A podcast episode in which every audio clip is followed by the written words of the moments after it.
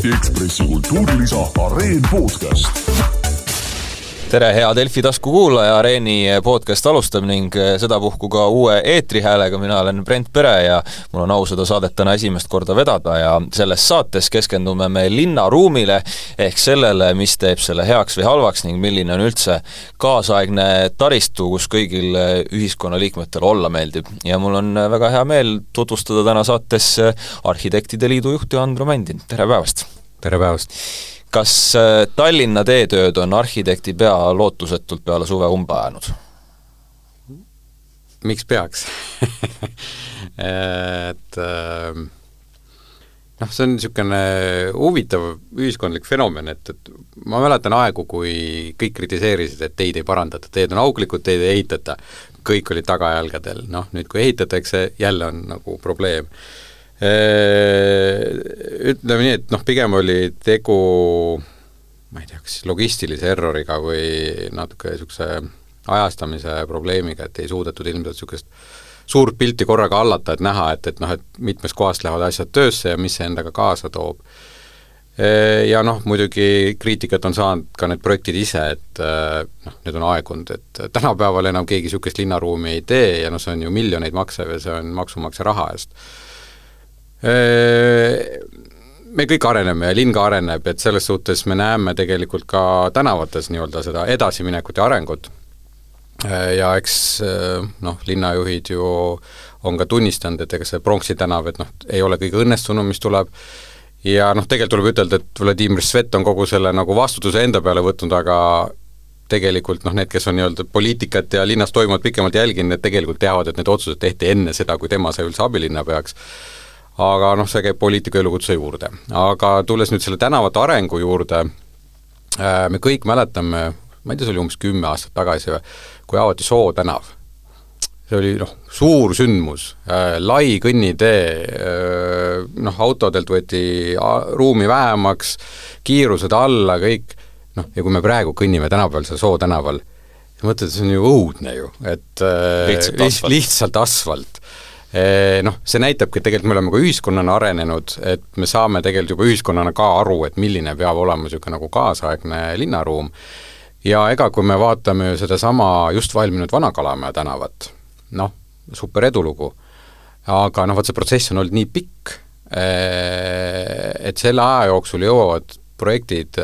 vananeda, et ma ei taha kuidagi halvustada Vana-Kalamaja tänavat, superhea lahendus, et tunnustus Kava Kava arhitektidele aga kui me vaatame, mis on toimunud siin viimase paari aasta jooksul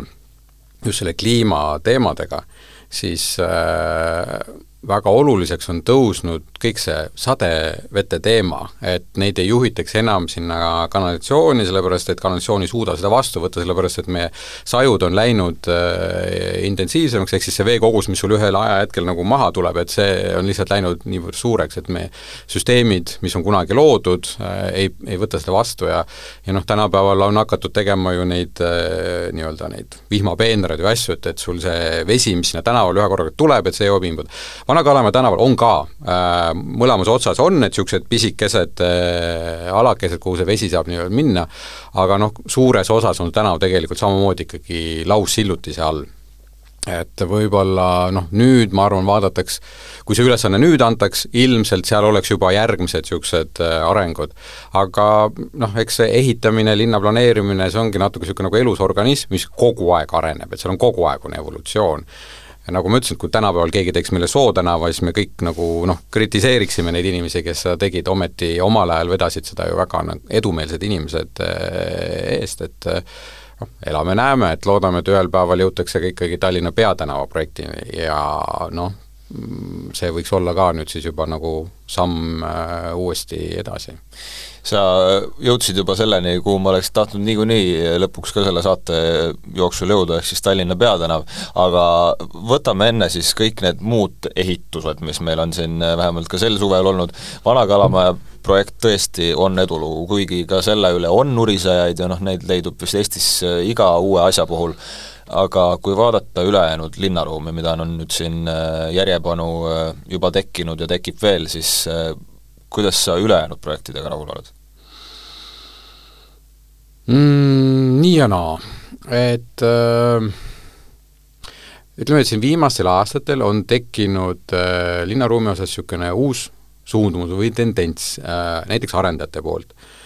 et äh, palgatakse maastikuarhitektid, mis on jumala õige tegu, aga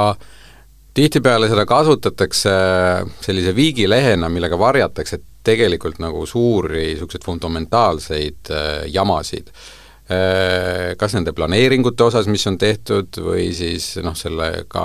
Artuurse lahenduse osas, et tegelikult ikkagi väga sageli me näeme, et niisugust linnaruumiliselt olulistesse piirkondadesse valmib niisugune noh, mm, keskpärane või suisa nagu odav arendus ja siis eh, tellitakse, kuna maastikuarhitektuur võrreldes selle muu asjaga maksab võima-, noh, võrdlemisi vähe, siis tellitakse maastikuarhitektuur ja siis läbi selle müüakse seda, et see on nagu müügiargument, et eh, noh, me oleme siin küll näinud. ja iseenesest maastikuarhitektuur tihtipeale ongi hea seal, aga see kõik muu on, eh, on halb. et noh, loodame, et me jõuame ikkagi nüüd ka nagu sammuke jälle edasi oma arengus, et noh, eks me kogu aeg liigume paremuse poole kuigi me näeme muidugi, et paljud asjad on need, kus me näeme, et me oleme tegelikult jõudnud äh, ilmselt tippu. et äh, just linna planeerimise osas ja linna ehituse osas ilmselt paarikümne aasta pärast tuleb niisugune äh, kõva tagasilöök. Et äh, ja noh, see on meie ühiskonnale ise, hästi iseloomulik, kuna me oleme elanud väga pikalt juba noh, pea kolmkümmend aastat äh, olukorras, kus kogu aeg elu läheb paremaks tõsi, jah, on olnud paar nagu majanduskriisi vahepeal, korra on nagu niisugune kõhu alt niimoodi õõnsaks võtnud, aga ikkagi läheb, peale seda läheb uuesti paremaks. ja meil kõigil on usk, et, et see jätkubki igavesti. et meie elu lähebki kogu aeg aina paremaks. samas linnaplaneerija arhitektina ma võin ütelda, et tegelikult teatud aspektides läheb väga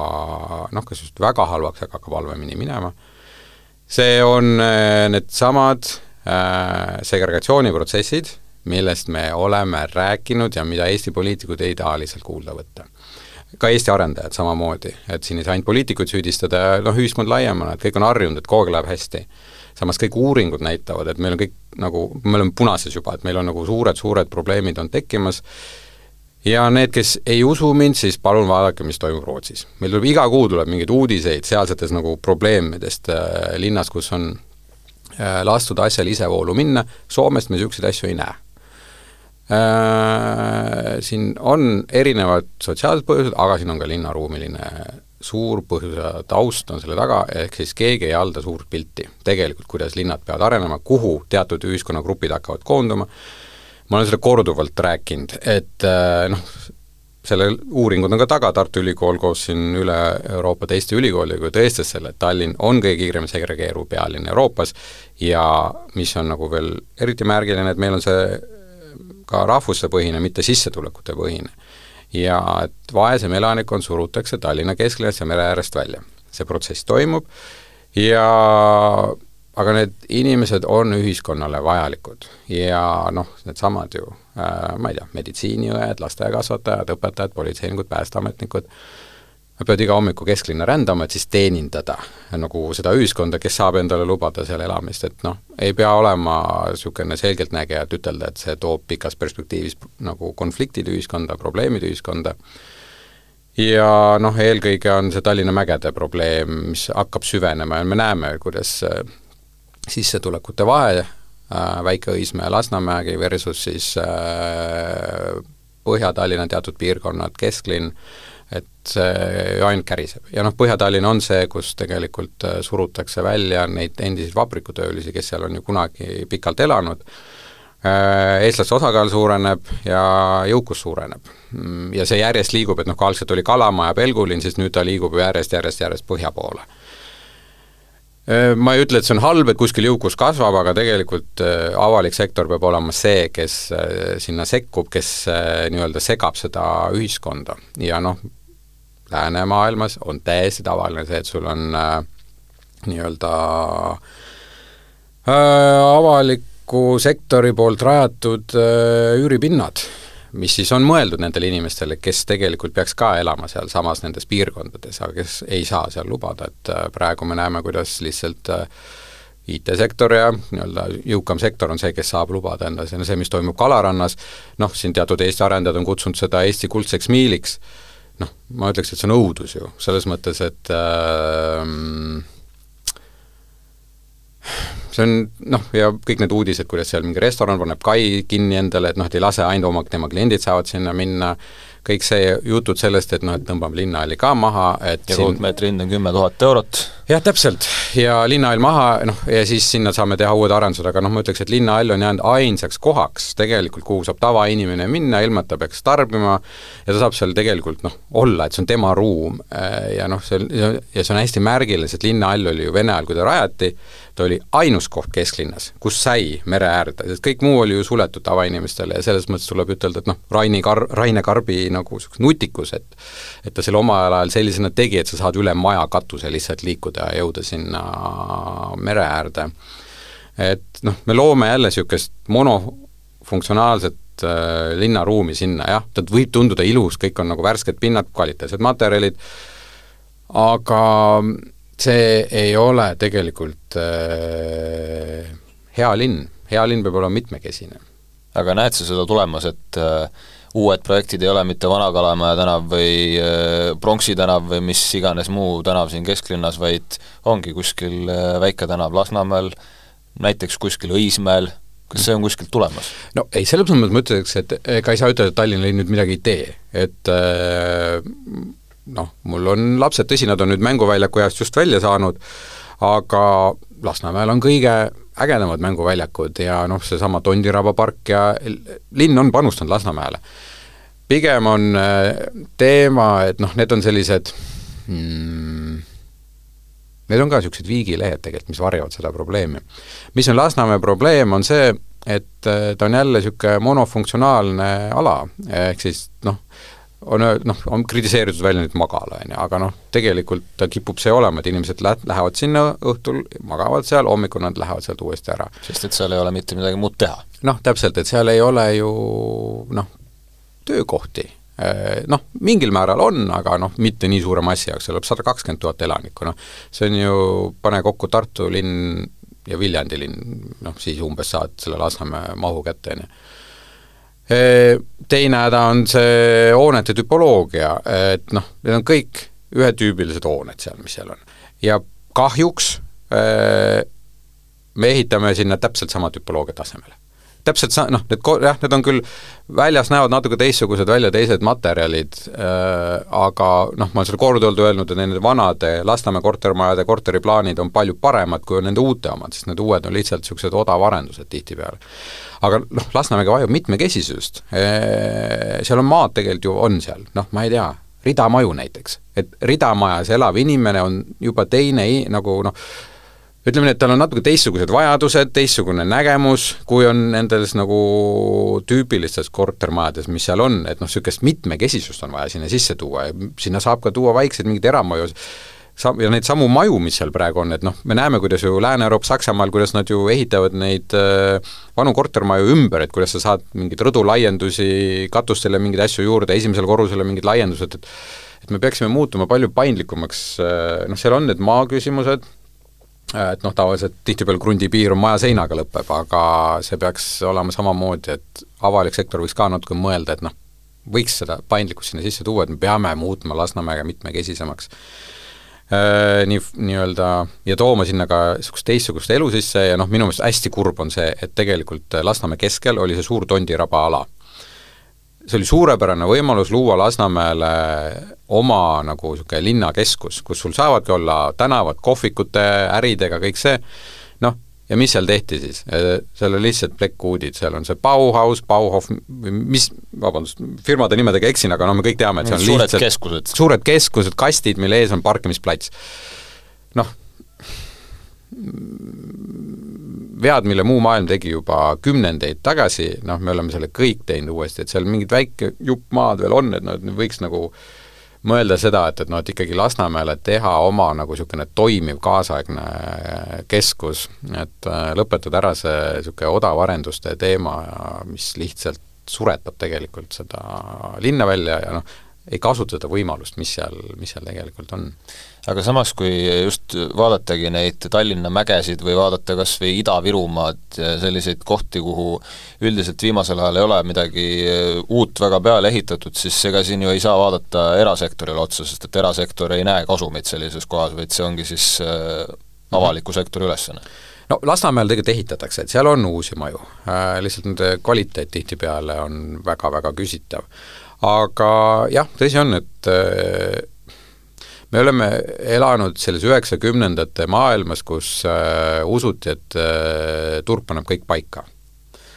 ja üheksakümnendatel see oligi ilmselt ainuõige otsus äh,, et saada kõik nagu see uus riik toimima, ühiskond käima, majandus kasvama aga noh, see on niisugune kulunud väljend, aga see, mis meid on toonud siiani, ei vii meid enam edasi. et me peame oma arengus nagu tegema nüüd järgmise etapi ja tegelikult me peame hakkama tugevdama avalikku sektorit, ja noh, see avaliku sektori tugevdamine ei tähenda kohe nii-öelda seda, mida armastatakse öelda, et noh, et paks riik on halb ja et noh, et me loome paksu riiki kuidagi. et noh, siin on mujalt maailmast väga palju näiteid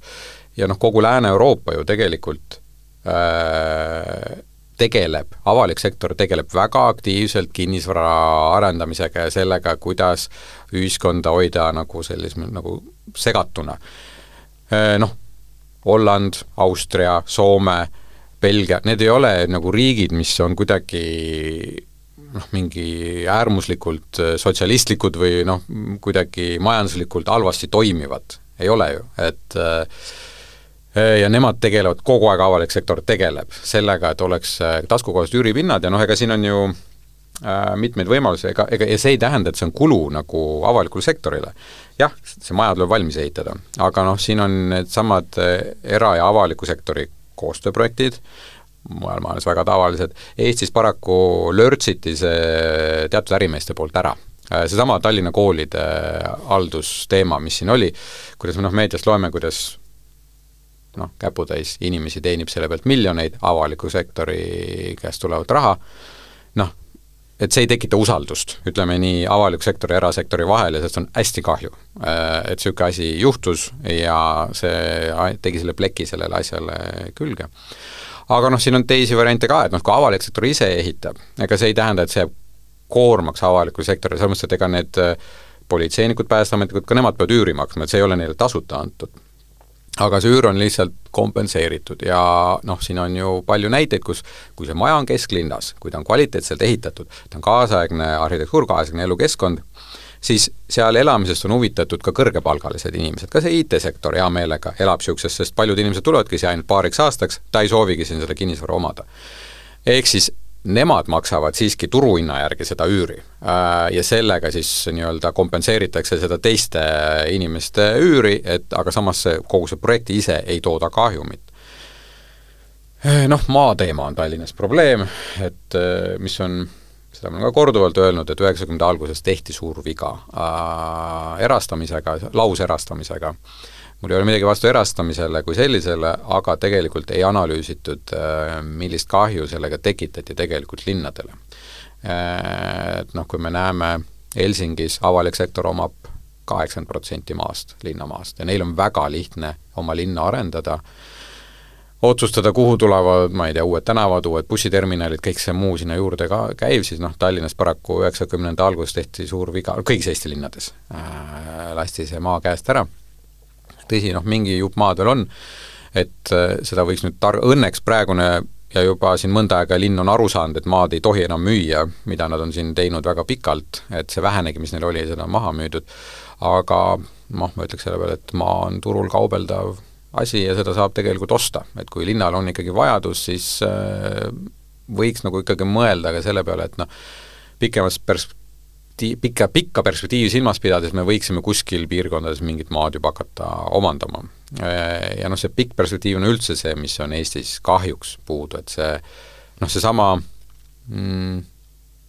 kogu meie ühiskond toimib ühe aasta eelarve põhimõttel tegelikult jah, siin on mingid eelarvestrateegiad ja kõik asjad, aga noh, reaalsuses, kui me seal süsteemis sees oleme, siis me tegelikult näeme, mille järgi otsuseid tehakse. Ja mitte keegi ei suuda meile ette vaadata kümmet aastat, kahtekümmend aastat, kolmkümmend aastat, et mis hakkavad meile kahjusi, kulu tekitama, noh, seesama segregatsioon on see, mis praegu kõigile tundub, et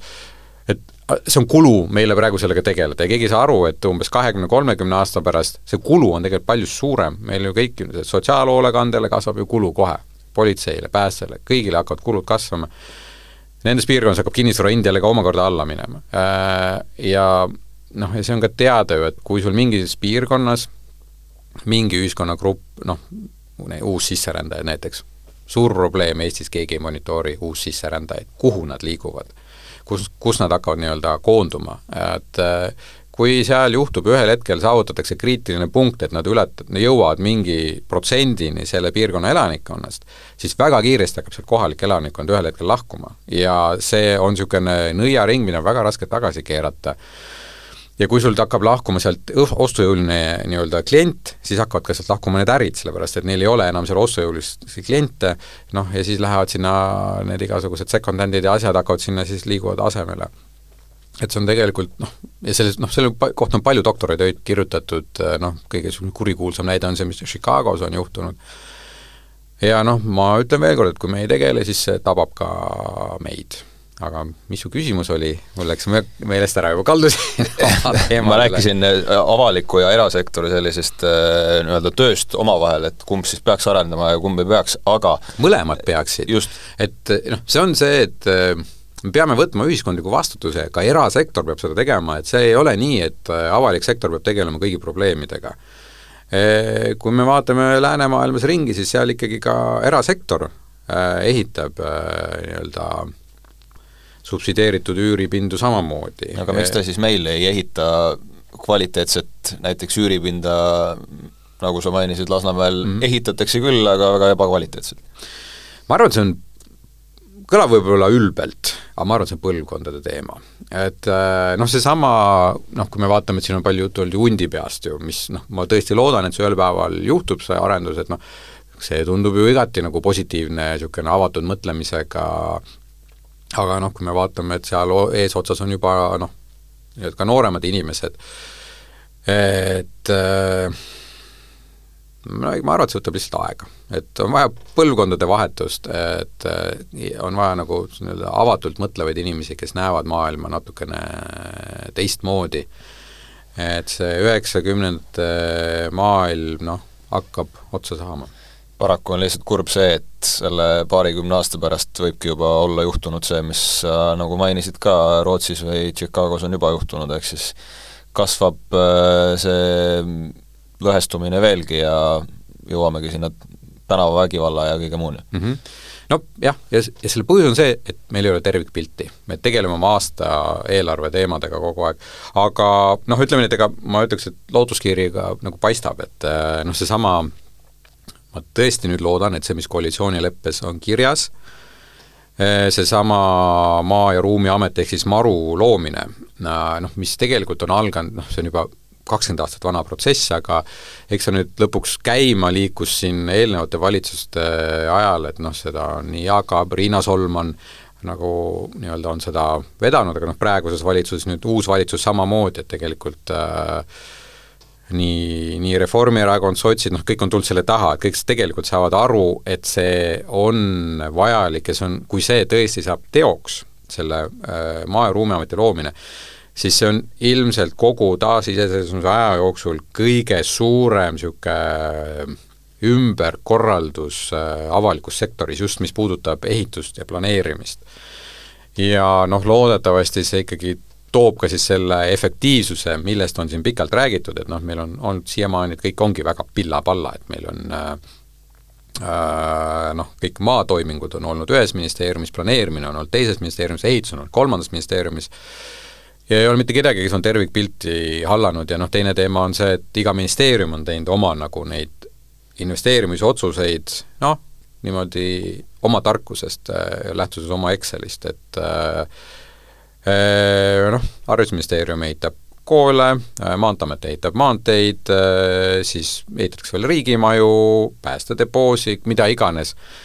aga keegi ei vaata, mitte kunagi ei ole seal taga olnud analüüsi, et kuidas see mõjutab seda kohalikku omavalitsust, kuhu see rajatakse, või see maamüügitehingud, et noh, et kuidas mingid asjad, riik ju kogu aeg müüb maad tegelikult, aga keegi ei analüüsi, et kuidas seda maad saaks tegelikult kasutada selle omavalitsuse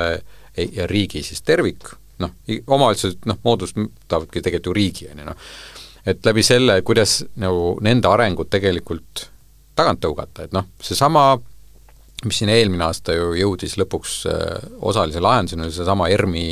ümber toimuv kinnisvaraarendused ju. et riik andis need maad üle sel hetkel, kui oli ju ERMi ehitushange käimas, kõik teadsid täpselt, milline see maja sinna tuleb. anti vallale ilma igasuguste analüüside, ilma igasuguste tingimustega, no mida tegi vald, vald lihtsalt tegi selle rahaks, andis selle arendajatele ja noh, tulemus oli see, et ERMi krundist neljateist meetri kaugusel olevale krundile pidid tulema neljakordsed kortermajad. noh, et äh, investeerime ühe käega kaheksakümmend miljonit ja teise käega nagu selle väärtust siis hakkame vähendama. et noh, ma loodan tõesti, et see uus Maa- ja Ruumiamet, mis tuleb, et see tuleb tõesti, et sinna tulevad siis ikkagi need nii-öelda spetsialistid ka, kes on suutelised analüüsima, on suutelised näha arenguid nagu dekaadidega, mitte aastatega. et ja see on olnud Eesti riigis väga suur puudujääk. ja noh, teine teema on see, et me tõesti loodame, et sellest tuleb tugistruktuur omavalitsustele, sest äh,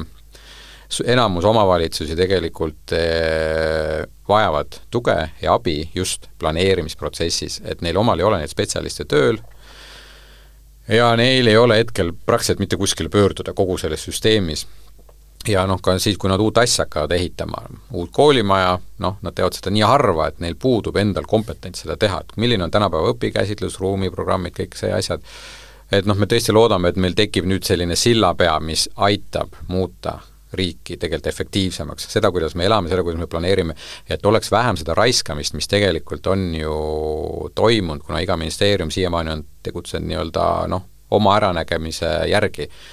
tegelikult need asjad tuleb kõik kokku tõsta ja näha siis, et noh, et kuhu see tegelikult, see tervikareng meid äh, lõpuks viib ja noh, ma tõesti loodan, noh praegu on lootust, et tõesti praegu inimesed töötavad selle nimel ja et see asi ikkagi kokku kirjutada ja loodetavasti selle aasta lõpus see valitsusse ka jõuab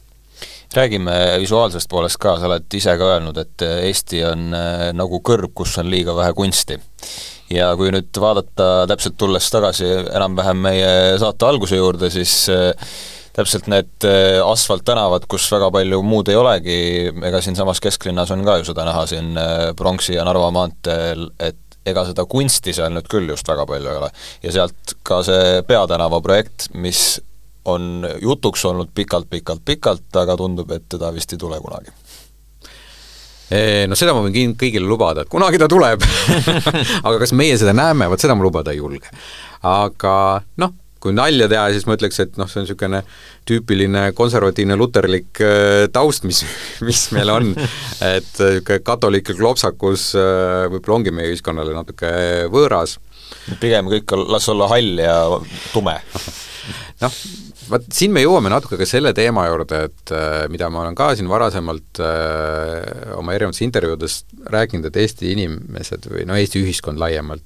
on äh, natuke kirjaoskamatu äh, ja seda just, mis puudutab äh, kaasaegset kunsti, kaasaegset linnaruumi, kaasaegset arhitektuuri, ja see tuleneb meie haridussüsteemist. Meie haridussüsteem räägib pikalt-laialt äh, antiikajast, Vana-Egiptusest, Roomast, Kreekast, noh, kõik see. ja seal ei ole mitte sõnagi, mitte kunagi sellest nii-öelda kahekümne esimesest sajandist, see, kus me tegelikult elame, see, mida me iga päev tarbime, ja see on nagu suur puudujääk meie haridussüsteemis. Äh, noh, eks see on paljudes riikides nii, äh, enamus Ida-Euroopa riikides on nii, aga noh, kui me vaatame noh, Põhjamaid, Hollandit, siis seal ikkagi on kooliprogrammis ikkagi see kaasaegne arusaam ka sellest ja noh, sealt tekivadki tegelikult konfliktid ju, et äh, kui meil mõni, ma ei tea, skulptuur või midagi püsti pannakse, siis kohe on ühiskond tagajalgadel see on minu meelest üldse kõige rohkem klikitav või arutletav teema Eesti meedias, et kui tuleb mm -hmm. mingi kunstiteos, siis oi, no oi, no nüüd paneme. nii on jah, ja noh, see on hästi kurb ja noh, ja eks see näitab, miks kõiki nii erutab, ongi see, et see juhtub nii harva. et kui meil iga nädal juhtuks midagi niisugust, no siis ei pöörataks sellele enam sellist äh, tähelepanu. ja noh, eks need asjad, mis on ju lõpuks püsti pandud, noh, need vaikselt ju noh, ühiskond harjub sellega ja noh, enam ju ei kritiseerita, keegi noh, ei kommenteeri neid ju, noh seesama Pätsi pea ju, mis kõiki ju meeletult erutas, noh, ma ütleks, et ma ei ole juba tükk aega kuulnud äh, ühtegi kommentaari selle, selle kohta, et noh, ta on muutunud üheks osaks linnaruumiks ru,, linnaruumist ja noh, sellega nagu inimesed ju nagu noh, nii-öelda adapteeruvad. et äh, noh, ma pigem ütleks, et meil on ühiskonnas ka niisugune me, metseenlust ei ole kui sellist tegelikult, et noh, Eesti kunstnikud ma ütlen, et ei ela väga hästi. Äh, läänemaailmas on see metseenlus ikkagi hoopis kõrgemal tasemel ja noh, on tekkinud, ma ei ütle, et erasektor üldse nagu ei, ei toeta, aga noh, ütleme nii, et kasvuruumi on, on veel kõvasti. Ja noh, tihtipeale ikkagi tegeletakse selle nagu selle vanema teemaga, et noh, superhea nagu on see, mis on juhtunud Konrad Mäega, noh, see on ju edulugu, aga noh, neid edulugusid võiks olla ka nagu selle kaasaegsema kunsti osas. ja võiks olla rohkem tellimusi ja noh, seesama protsendikunst, mis tegelikult on ju väga hea algatus, aga see ju kehtib ainult äh, riigiasutustele, see ei kehti kohalikule omavalitsustele näiteks. et noh, võiks ju mõelda, et no ma tean, et nüüd kohalikud omavalitsused, kõik, kes siin kuulavad, kõik ütlevad, no kuule, meil pole niigi raha, et me peame siin hooldekodude ja kõigi asjadega tegelema, noh, nii on, aga ütleme nii, et kui sa ühe korra leiad selle raha, siis ta hakkabki sul eelarves, noh, ta on sul juba seal olemas ja see tegelikult on kaduvväike, see maksumus, millest me räägime. ja noh, eks siin on noh, sellesama protsendikunsti osas võib ju veel ka riigi, riigi osas kriitikat tuua, et noh, seal on mitmeid probleeme, et seal on ju, et see kunstnik peab selle kõigepealt oma vahenditest kinni maksma, selle looma, ja talle makstakse lõpus see raha noh, kui sul on ikkagi mingi suur, ma ei tea, metallskulptuur või midagi, noh, mis, mis on ju kallis ju, selles mõttes, kus sellel kunstnikul see raha on, et kas ta peab minema la-, pangast laenu võtma selleks, et ta saaks oma tööd teha, no see on noh, jah, täpselt intressiga, see on ju absurd ju. Et noh, siin on palju asju, millele mõelda ja mida võiks äh, nagu muuta, ehk siis jah, tõesti, me peame tegelema ikkagi nagu selle järeltuleva põlvkonna harimisega. Ja noh, tõesti ka äh, ühiskonnana siis rohkem panustama, aga erasektor noh, võiks seda teha, et noh, ma ei mõtle seda, et nüüd tuleb panna järjekordsed korstnapühkijad, nagu siin kunagi ma ei tea, viisteist aastat tagasi või mis siin nagu juhtus, et mingi era-, me, me nii-öelda erasektori esindaja otsustas, ta teeb kingituse. et noh, nii see päris ei käi, et avalikku ruumi nagu igaüks saab nagu noh, sinna panna asju, mis võib-olla ei noh, vajaks niisugust läbimõtestatumat äh, lähenemist eelnevalt ja noh, ja avalikke võistluseid, selles mõttes, et äh, äh, avalik võistlus on see, kus sul tekib valik. kus sa saad valida ikkagi parima selles ajahetkes võimaliku lahenduse, et täitsa nagu julgustan avalikke võistlusi tegema ja mitte kartma, et sa ei pea otse tellima seda alati nagu sealt ühelt konkreetselt isikult. ja noh, ütleme, et arhitektuurivõistluste osas Eestis on hea seis, et äh, noh, eelmine aasta läbi Arhitektide Liidu meil käis ähm, üle kolmekümne võistluse, mis tegelikult avaliku võistluse, mis tähendab, et kõik saavad osaleda. mis tähendab tegelikult, et iga kahe nädala tagant läks üks avalik võistlus välja. et noh, mis on selles mõttes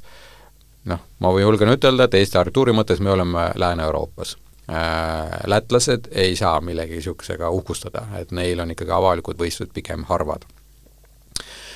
ja aga noh, me siiani näeme tegelikult, et ütleme, avalik sektor pigem saab nagu aru avalike võistluste vajalikkusest, et noh, see teadlikkus on kasvanud ja nad tõesti tellivad ja teevad, ja noh, on tulnud väga head arhitektuuri Eestis, et ega siin ei ole midagi häbeneda. aga noh, ütleme nüüd erasektoris on see arusaam äh, veel niisugune natukene maha jäänud et ma ei ütle, et erasektor peab tellima avalikke võistluseid, et noh, pigem me näeme ka, et avaliku raha eest tehtav asi peab olema avalik võistlus, et avaliku raha eest me saaks kõige parema lahenduse. erasektoris äh, täitsa okei okay on kutsutud võistlused või täitsa, täitsa okei okay on ka otsetellimus, aga kui see on linnaruumiliselt kuskil väga olulise koha peal, vaata siis ei ole, siis need enam ei kehti, et siis peab olema avalik võistlus ja noh, me näeme siin noh, neid kõrghoone püstitajaid ja kõiki, kes siin nagu tahavad ja vingerdavad ja et noh, et linn nõuab või planeering nõuab, et tee nüüd võistlus, on ju, noh siis kuidas nad äh, noh, tulevad su juurde, nagu oleks mingi jama sisse astunud ja niisugune, et noh, et ma tahaks kohe siit ära minna, ma üldse ei taha siin olla, noh, et äh, ja noh, nende põhjendus on see, et ah, sellest tuleb, alati tulevad mingid jamad ja et, et ei, me tahame ikkagi ise otsustada ja noh, ehk siis mis on probleem, on see, et tegelikult ei nähta, et kui sa lood linna hoone sa tegelikult läbi selle mõjutad kõiki selle linna elanikke, et see ei ole kuskil sinu maakodus olev mingi peidus metsa sees olev asi, vaid see jääb meile kõigile siia ja tõenäoliselt jääb see selle palju kauemaks kui see arendaja ise ja tõenäoliselt see asi läheb ka ilmselt nagu kellelegi ühel hetkel üldse edasi. Et ja noh, ma ei hakka rääkima nagu autoriõiguste punktidest, mis on ka nagu, elame endiselt kiviajas, et nagu keegi ei tea midagi Euroopa Liidu direktiividest autoriõiguste osas, aga noh, niisugune noh, see on niisugune lõputu maadlus. Ja noh, siin on olnud ka väga piinlikke situatsioone, noh siin Tallinna Sadam ka viis läbi siin suurt võistlust, eh, kooskõlastas liiduga tingimused ja pärast tuli välja, et seal olid autoriõiguste ikkagi riived sees ja siis, kui järelpärimisi tegid, siis vabandati, et vabandage, et see on inimlik eksitus, mis juhtus, et me väga vabandame. aga tingimusi muuta enam ei saa, noh, ma ütleks, no mis maailmas me elame, et äh, üheksakümnendad on möödas, mehed, et äh, noh, saagem eurooplasteks, et äh, aitab. aga noh, ja nüüd ütles, noh ja veel tulles selle nagu, et inimesed ei suuda näha seda pikka iga hoonetel, et kõik lähtuvad sellest, noh, mul on see eelarve, ma ehitan selle valmis, et see kõik peab nagu sinna mahtuma,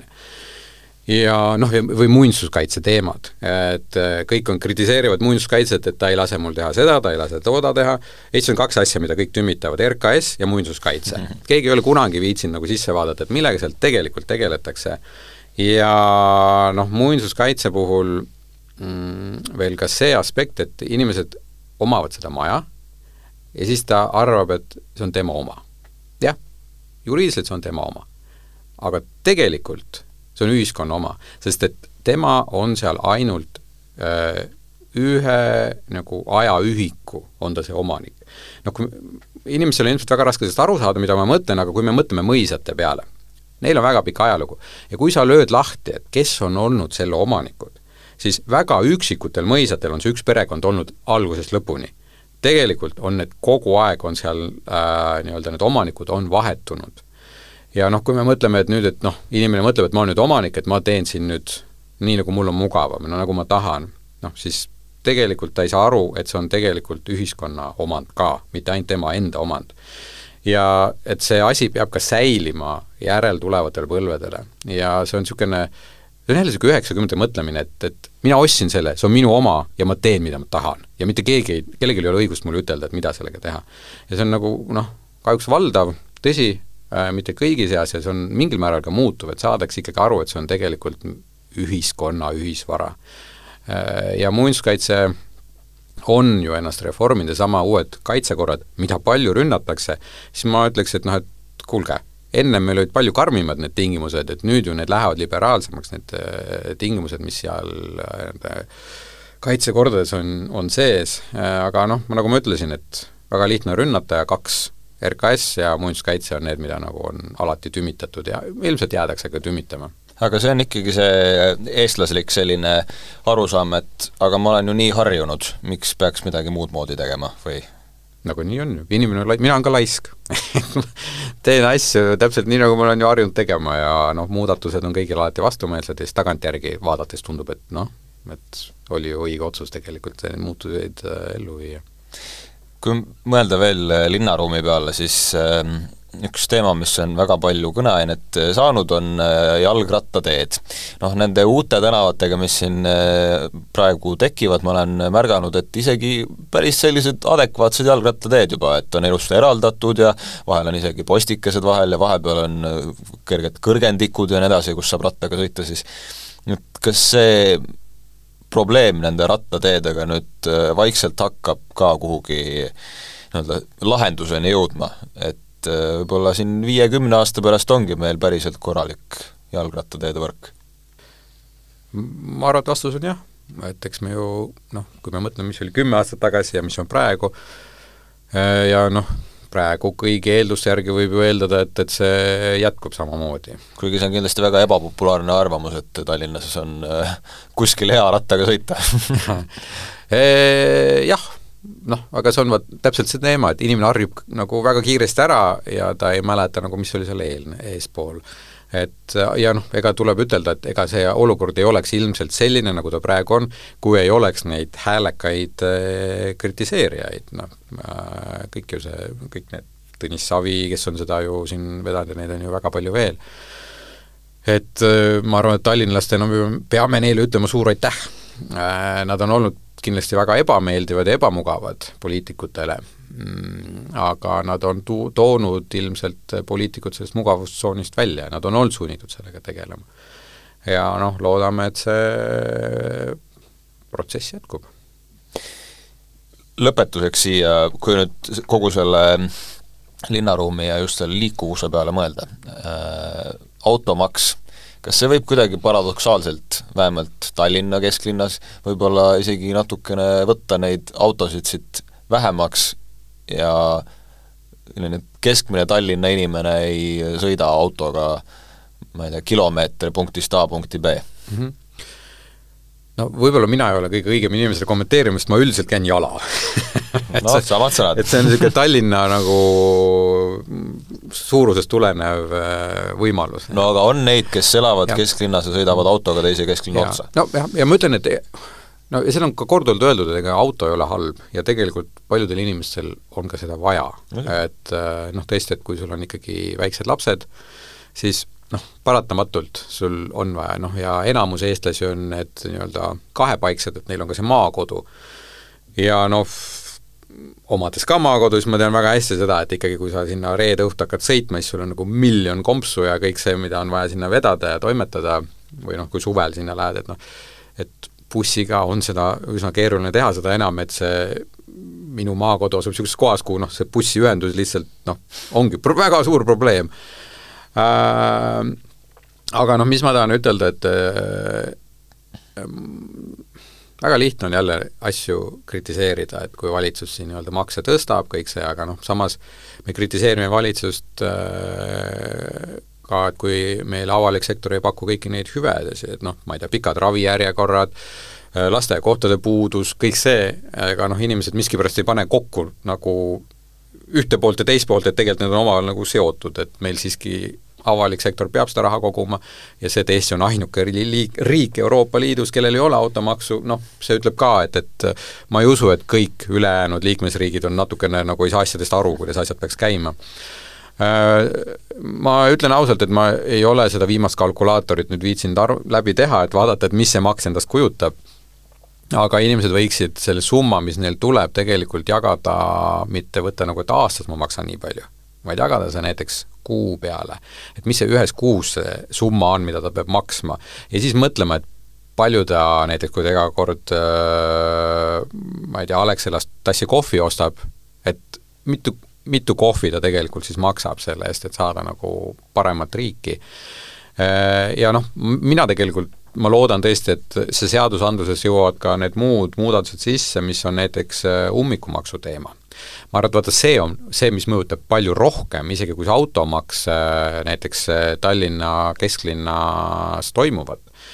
et inimesed hakkavad, noh, kui sul on teatud kellaajast kellaajani, kui sa sisened nii-öelda ikkagi kesklinna, siis automaatselt sa maksad selle eest. Äh, siis hakkavad inimesed valima, et ta ei lähe sellel tipptunnil, ta ei hakka sinna ronima, kui tal ei ole just väga hädasti vaja või ta saab kuidagi hajutada, et ta teeb mingeid muid sõite, et ma tõesti loodan, et see ilmselt lähiajal ikkagi tuleb, sest see oleks see, mis tegelikult aitaks seda transporditeemat Tallinnas kindlasti parandada, ja noh, teine teema on kindlasti see, et meil on paljudel peredel on mitu autot, mis Tallinna-suguses linnas on absurd. Ja noh, seda saab ka lihtsasti tegelikult reguleerida, on sama tasuline parkimine. et kui sul ikkagi noh, kui sul on lubatud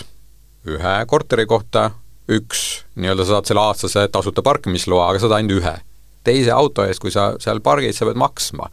et eh, noh, need on kõik teemad, mis tegelikult on õhus ja eks eh, ma arvan, et need järgneva kümnendi jooksul tegelikult tulevad Tallinnas kasutusele. ja need on tegelikult meetmed, mis isegi aitavad tõenäoliselt rohkem kui see eh, automaks ise, aga noh, elame-näeme arenguruumi igatahes meil siin Eestis on, suur tänu Arhitektide Liidu juht Andro Mänd ja jõudu siis nende võitluste pidamisel! aitäh kutsumast!